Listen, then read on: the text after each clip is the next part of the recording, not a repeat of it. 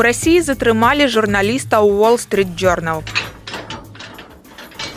ФСБ заявіла, што яго падазраюць у шпіянажы. Журналіст нібыта спрабаваў выведаць дзяржаўную таямніцу, пісала CNN. Нават у Беларусі ўразіліся і пачалі абмяркоўваць, а ці абыходзіліся ў нас так з замежнікамі, ці толькі са сваімі.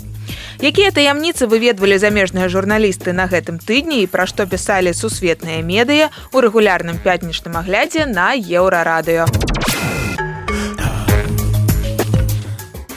Дональд Трамп можа стаць першым прэзідэнтам ЗША, якому выставяць крымінальныя абвінавачванні. Вау! Пакуль гэта ўсё, што дакладна вядома. BBC са спасылкай на амерыканскія медыя піша, што абвінавачанняў супраць Трампа верагодна каля двух дзясяткаў.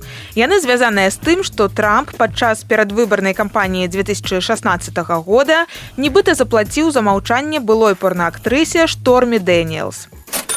Успомнім, што тады адбывалася. Штормі Дэніелс звязалася з медыя і прапанавала прадаць інфармацыю пра сваю інтрыжку з трампам у 2006 годзе. Каманда Трампа звязалася з ёй і адвакат прапанаваў прадаць маўчанне за 130 тысяч долараў. Само па сабе гэта не з'яўляецца незаконным. Але калі Трамп кампенсаваў выдаткі свайму адвакату, у справаздачыя плацяжы запісалі перавод як судовыя выдаткі. І пракуроры кажуць, што гэта фальсіфікацыя бізнес-дакументаў. А ў нью-йорку гэта ўжо само па сабе крымінальнае злачынства. І яшчэ пракуроры могуць заявіць, што Трамп спрабаваў схаваць плацёж акторцы, каб увесці ўзман выбаршчыкаў. Маўляў, дзеля таго, каб абяліць свой імідж. А гэта ўжо могуць падаць і як парушэнне закона аб выбарах. Але ва ўсялякім разе на наступным тыдні трампу давядзецца ляцець з флорыды ў нью-йорк каб паўстаць перад судом.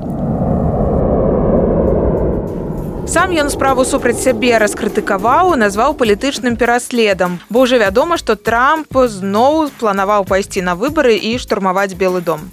Метафарычна а ніяк было з капітоліем. І суд можа яму перашкодзіць Ёсць цікавы нюанс. Некалькі гадоў таму, калі Трамп сыходзіў з пасады, ён мог памілаваць каго заўгодна. Так робяць амерыканскія прэзідэнты ў свой апошні дзень у белым доме. Хадзілі чуткі, што Трамп абдумваў ці не памілаваць на будучыню і самого сябе, бо баяўся, што сутыкнецца з пераследам з боку апанентаў.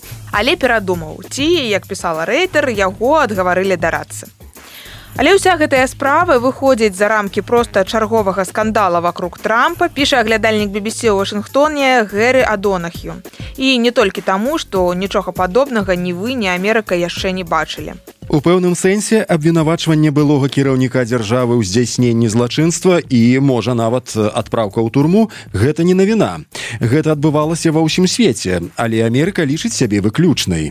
Так што ўступленне ў гэты клуб праблема не толькі для Дональда Трампа. Гэта яшчэ адзін удар па ўпэўненасці і самаўпэўненасці Амерыкі. Краіна падзеленая з адноўленым напорам Китая і расійскай агрэсіі ва ўкраіне геапалітычныя выклікі нарастаюць на многіх франтах і пагражаюць статусу ЗША ва ўсім свеце.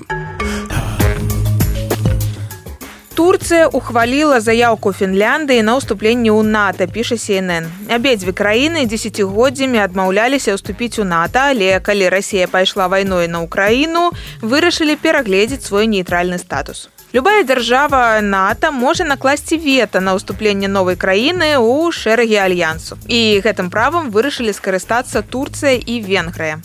Рэджа Прадаган абвінавачваў Фінляндыю Швецыю тым, што яны хаваюць курдскія тэрарыстычныя арганізацыі, як ён их называе, а Віктор Орбан скардзіўся, што краіны распаўсюджваюць адкрытую хлусню пра венгрыю. У дачыненні да Фінляндыі абедзве краіны ўсё ж памякчэлі, але па-ранейшаму за бортам НАТО застаецца Швецыя. Турцыя патрабуе, каб шведы выдалі ім тых курдаў, якіх анкара лічыць тэрарыстамі. А Венгрыя кажа, што стасункі са стакгольмам у Будапешта з гадамі патрапаліся. Так што яшчэ трэба будзе пераадолець шмат разнагалоссяў перад тым, як можна будзе думаць пра суседства ў адным ваенна-палітычным блоку. Перадаем прывітанне аналітыкам, якія пасля навіны аб планах Пуціна размясціць у Беларусі ядзерную зброю, пачалі казаць, што Беларусі трэба проста уступіць у НАТО. Just Бацькі паскардзіліся і дырэктара вымусілі звольніцца. Гэта не тое, пра што вы падумалі, не гэта не пра Беларусь, гэта пачатак гучнага і можна нават сказаць цывілізацыйнага канфлікту Еўропы і ЗША.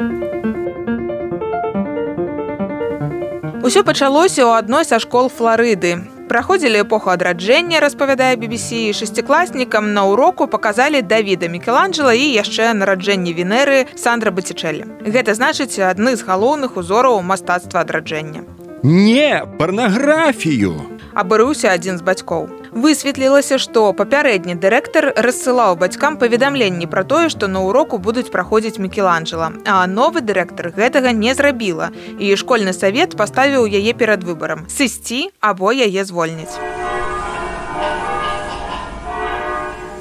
За дырэктара заступілася Флоренцыя, у музеях якой уласна і захоўваюцца працы Мікеланджела і Батычэлі. У Флоренцыі, мякка кажучы, уразіліся. Выкладаць эпоху рэнесансу, не паказваючы Давіда, безумоўны сімвал мастацтва і культуры гэтай гістарычнай эпохі, не мела б ніякага сэнсу.